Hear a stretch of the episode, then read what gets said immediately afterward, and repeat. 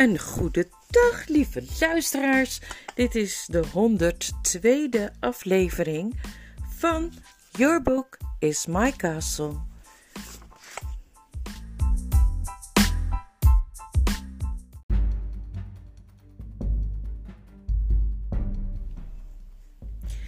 Boven dit achtste hoofdstuk van het laatste gevecht staat het nieuws van de arend. Aan de overkant van de open plek, in de schaduw van de bomen, ging iets voorbij. Het gleed heel langzaam naar het noorden. Op het eerste gezicht zou je misschien gedacht hebben dat het rook was, want het was grijs en je kon er dwars doorheen kijken. Maar die doodsgeur was niet de geur van rook. Bovendien bleef het steeds dezelfde vorm houden, in plaats van te golven en te kringelen zoals rook doet. Het had ongeveer dezelfde vorm als een mens, maar dan met de kop van een vogel, een of andere roofvogel met een gemene kromme snavel. Het had vier armen die het hoog boven zijn hoofd naar het noorden uitgestrekt hield, net of het in zijn greep heel Narnia probeerde mee te grissen. Alle twintig vingers waren al even krom als zijn snavel en er zaten lange spitse vogelklauwen aan in plaats van nagels. Het liep niet, maar het zweefde vlak boven het gras en waar het overheen kwam zag je het gras verdoren. Nadat hij er één blik op geworpen had, gaf Puzzel een balkende schreeuw en rende de toren in. En Jill, echt niet bang uitgevallen was, zoals je wel weet, verstopte haar gezicht in haar handen om het maar niet te hoeven zien. De anderen bleven kijken, een minuut lang ongeveer, totdat het wegdreef in het dichtere bos rechts van hen en uit het zicht verdween. De zon kwam weer tevoorschijn en de vogels begonnen weer te zingen. Nu durfden ze allemaal weer gewoon adem te halen en te bewegen. Zolang dat ding daar was, hadden ze als versteend zitten toekijken. Wat was dat? zei Eustace fluisterend. Ik heb het nog maar één keer eerder gezien, zei Tirian. Maar toen was het in steen uitgehouwen en overtrokken met bladgoud. En had het echte diamanten in plaats van ogen. Toen was ik hoogstens even oud als jij en logeerde ik als gast aan het hof van de Tisrok in Tashbaan. Hij nam me mee naar binnen in de grote tempel van Tash. Daar heb ik het gezien, uitgehouwen boven het altaar. Dus dat, dat ding, dat was Tash? zei Eustace. Tyrian gaf geen antwoord, maar sloeg zijn arm om Jill's schouders en zei: Gaat het, jongvrouwen? Ja, jawel, zei Jill. Ze haalde haar handen voor haar bleke gezicht vandaan en probeerde te glimlachen. Met mij gaat het goed. Ik werd alleen even heel misselijk. Het lijkt erop, zei de eenhoorn, dat Tas dus toch echt bestaat. Ja, zei de dwerg, nu krijgt die idioot van een aap, die zelf niet in Tas geloofde, meer dan waar hij op gerekend had. Hij heeft Tas geroepen en nu is Tas gekomen. Waar is het? Waar is hij? Dat ding naartoe gegaan? zei Jill. Naar het noorden, naar het hart van Narnia, zei Tyrian.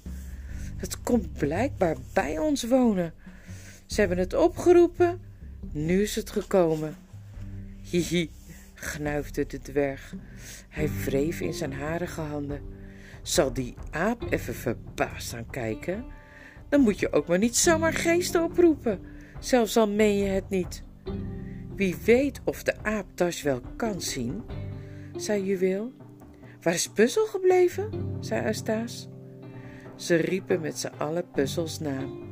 En Jill liep naar de achterkant van de toren om te kijken of hij daar soms was.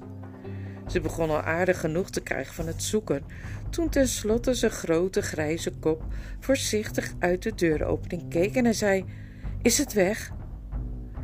En toen ze hem eindelijk zo ver hadden dat hij weer naar buiten kwam, trilde hij nog steeds, als een hond bij opkomend onweer.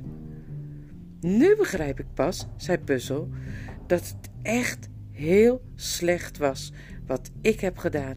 Ik had nooit naar draaien moeten luisteren.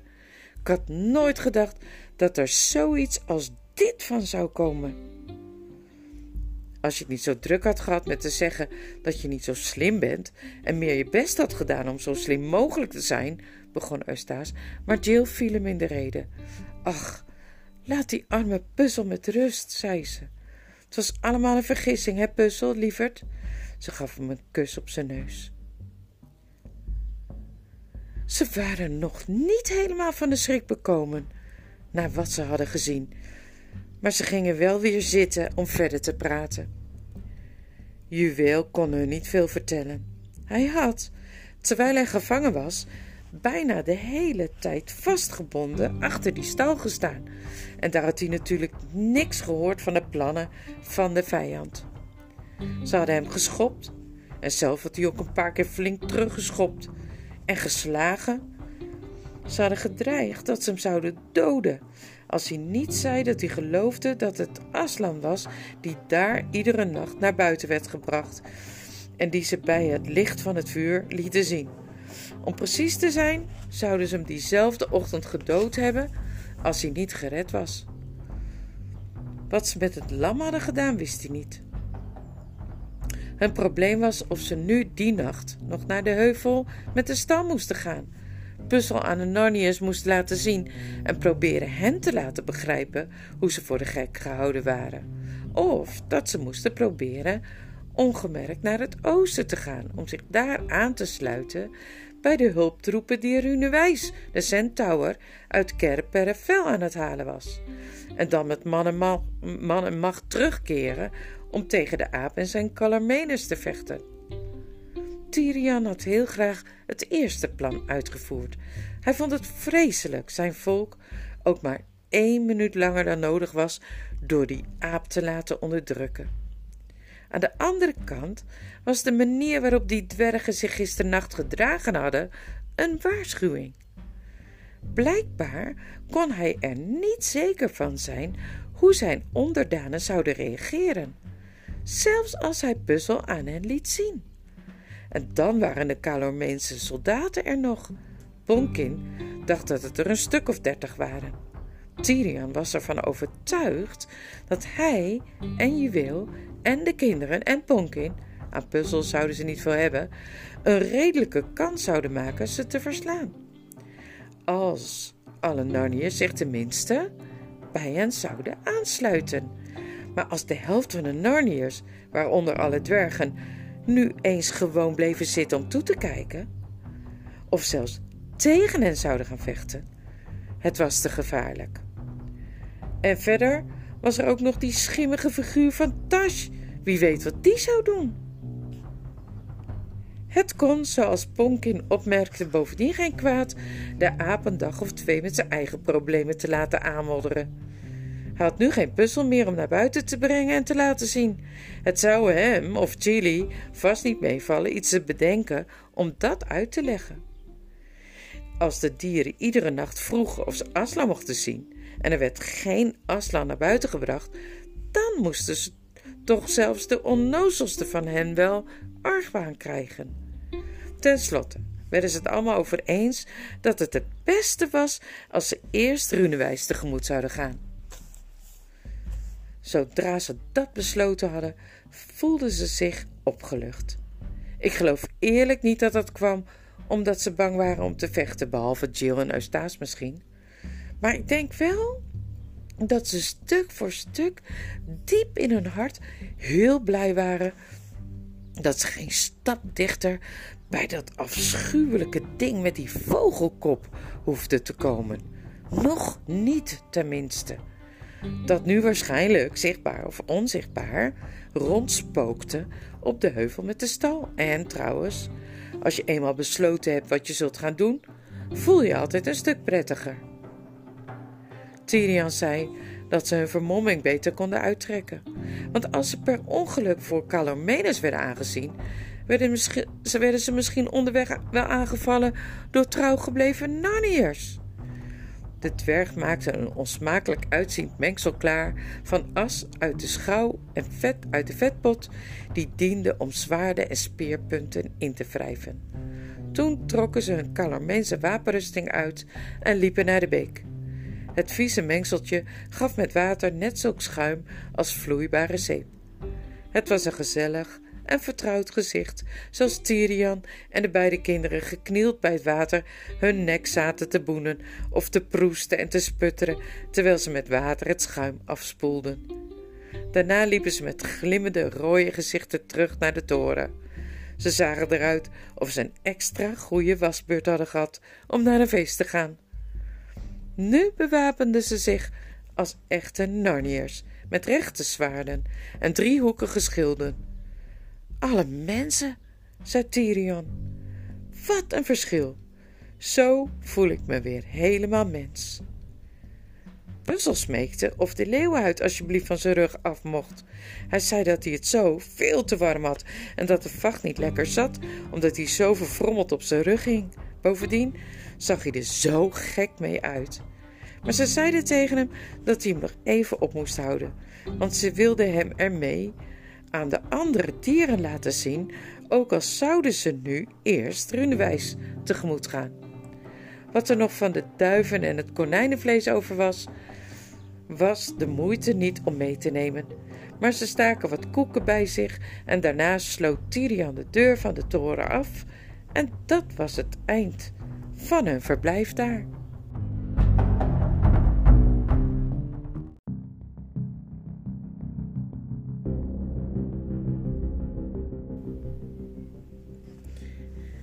Even na twee uur middags gingen ze op weg.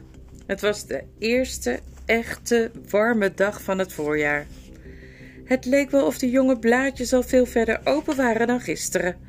De sneeuwklokjes waren uitgebloeid, maar ze zagen al een paar sleutelbloemen. Het zonlicht viel schuin tussen de bomen door. Vogels zongen en ononderbroken hoorden ze, al konden ze het meestal niet zien, water stromen. Het was nu moeilijk om aan zulke afschuwelijke dingen als tas te denken. De kinderen hadden het gevoel, eindelijk, zo hoort Narnia te zijn. En zelfs Tyrians hart werd lichter, terwijl hij voorop een oud Narnia's marsliedje liep te neurien met het refrein. Hey, rommel, rommel, rommel, sla een roffel op je trommel. Achter de koning liepen Eustace en Ponkin de dwerg. Ponkin leerde Eustace de namen van alle Narnia's bomen, vogels en planten die hij nog niet kende. Soms vertelde Eustace hem hoe ze in zijn wereld heten. Daarachter liep Puzzel en achter Puzzel Jill en Fluweel en Juweel, die heel dicht naast elkaar liepen. Jill was helemaal verliefd op de eenhoorn, kon je haast wel zeggen. Ze vond, en ze zat er niet ver naast, dat hij het glanzendste, bevalligste, zierlijkste dier was dat ze ooit had ontmoet. Hij was zo zachtmoedig en praatte zo vriendelijk dat je, als je het niet geweten had, bijna niet kon geloven hoe fel en angstaanjagend hij in een gevecht kon zijn. Hè, wat heerlijk, zei Jill, om hier zo te wandelen. Ik wou maar dat we meer van dit soort avonturen konden beleven. Jammer dat er in Narnia altijd zoveel gebeurt. Maar de eenhoorn legde haar uit dat ze zich daar erg in vergiste. Hij zei dat de zonen en dochters van Adam en Eva altijd alleen maar vanuit hun eigen verre wereld naar Narnia werden overgebracht als er onrust en verwarring was in Narnia, maar dat ze niet moest denken dat het altijd zo was.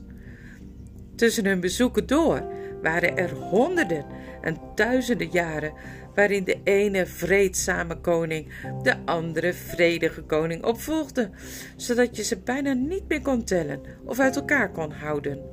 En er echt bijna niks gebeurde om in de geschiedenis, geschiedenisboeken te schrijven. Daarna vertelde hij haar over oude koninginnen en helden van wie ze nog nooit gehoord had. Hij sprak over koningin Zwanenwit, die geleefd had voor de witte tovenares en de lange winter, die zo mooi was dat in elke bosvijver waar ze inkeek haar gezicht nog een jaar en een dag lang in het water bleef staan, stralend als een ster. Hij sprak van Maanwoud de haas, die zulke goede oren had dat hij, als hij onder het geraas van de waterval bij de kookkolk zat, horen kon wat er op Kerpervel werd gefluisterd. Hij vertelde hoe koning Storm, de negende afstammeling van Frank, de eerste van alle koningen, ver weggevaren was naar de zeeën in het oosten en de bewoners van de verlaten eilanden verlost had van een draak en hoe ze hem uit dankbaarheid de verlaten eilanden geschonken hadden om voor altijd deel uit te maken van het koninkrijk Narnia. Hij sprak van lange eeuwen waarin heel Narnia zo gelukkig was dat de grote dansfeesten en maaltijden, of hoogstens de riddertoernooien, het enige waren wat eraan te onthouden viel. En waarin iedere dag en iedere week beter was dan de vorige. En terwijl hij verder vertelde, stapelden de beelden van al die duizenden gelukkige jaren zich in Jill's hoofd op, totdat het net leek alsof ze van een hoge heuvel neerkeek op een weelderig, lieflijk laagland vol bossen en watertjes en korenvelden dat zich al maar verder uitstrekte, tot in wazige ijle verten. En ze zei: Hè, ik hoop maar dat we gauw met die aap kunnen afrekenen. En dat die goede, gewone tijden dan weer terugkomen. En dan hoop ik dat ze voor altijd en eeuwig blijven duren. Aan onze wereld komt een keer een eind. Misschien aan deze wel niet. O juweel, zou het niet heerlijk zijn als Narnia voor altijd zou blijven bestaan, zoals jij zei dat het vroeger was?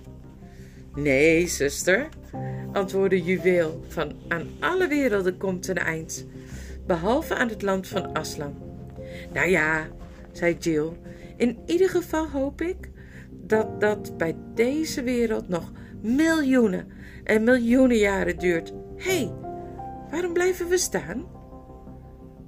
De koning, Eustace en de dwerg stonden allemaal naar de hemel te turen. Jill huiverde, want ze dacht aan de afgrijzelijke dingen die ze al gezien had. Maar deze keer was het iets anders. Het was klein en tegen de blauwe lucht leek het zwart. Aan de manier van vliegen te zien, zei de eenhoorn, durf ik te wedden dat het een sprekende vogel is. Het lijkt mij ook, zei de koning. Maar is het een vriend of een spion van de aap? Volgens mij, sire, zei de dwerg, lijkt het wel wat op scherpzicht de arend. Moeten we ons niet verschuilen onder die bomen? zei Eustace. Juist niet, zei Tyrion. We kunnen het beste doodstil blijven staan. Als we ons bewegen, ziet hij ons in ieder geval. Kijk, hij begint te cirkelen. Hij heeft ons al gezien, zei Juweel. Hij komt in wijde kringen naar beneden. Pijlenboog in de aanslag, jonkvrouwen, zei Tyrion tegen Jill. Maar volstrekt niet schieten voordat ik het zeg. Misschien is hij onze vriend. Als ze geweten hadden hoe het verder zou gaan, zouden ze het een prachtig gezicht gevonden hebben, hoe die reusachtige vogel sierlijk en met het grootste gemak omlaag kwam zeilen. Hij streek neer op een uitstekende rotspunt, zo'n beetje een meter bij Tyrion vandaan, boog zijn gekuifde kop en zei met zijn vreemde adelaarsstem: Heil, koning! Gegroet, scherpzicht, zei Tyrian. En daar je mij met koning aanspreekt, mag ik aannemen dat je geen volgelingen bent, volgeling bent van die aap met zijn valse aslan. Ik ben heel blij met je komst. Sire, zei de arend, als u hoort wat ik u kom vertellen, zult u meer verdriet hebben over mijn komst dan over de grootste ramp die u ooit is overkomen. Tyrian kreeg het gevoel of zijn hart stilstond. Maar hij klemde zijn kiezen op elkaar en zei: Vertel. Twee dingen heb ik gezien, zei Scherpzicht. Het ene was dat Ker Pervel was, vol was met dode Narniërs en levende Calormeners. Dat de banier van de Tisrok op uw koninklijke transen was gehezen. En dat uw onderdanen naar alle kanten de stad uitvluchten de bossen in. Ze hebben Kerperrevel vanuit zee veroverd. Eergisteren in het holst van de nacht waren er twintig grote schepen uit Calormen binnengelopen. Niemand wist een woord uit te brengen. En het andere wat ik gezien heb, vier mijlen aan deze kant van Kerpervel, was Runewijs de centaur, die daar lag met zijn Calormeense pijl door zijn zij. Met een Calormeense pijl door zijn zij. Ik ben bij hem gebleven in zijn laatste ogenblikken. En hij heeft mij deze boodschap voor uw majesteit meegegeven. Vergeet niet dat er aan alle werelden een eind komt en dat een eervolle dood een kostbare schat is, waardoor niemand te arm is, waarvoor niemand te, te arm is. Dus, zei de koning na een lange stilte, het is afgelopen met Narnia.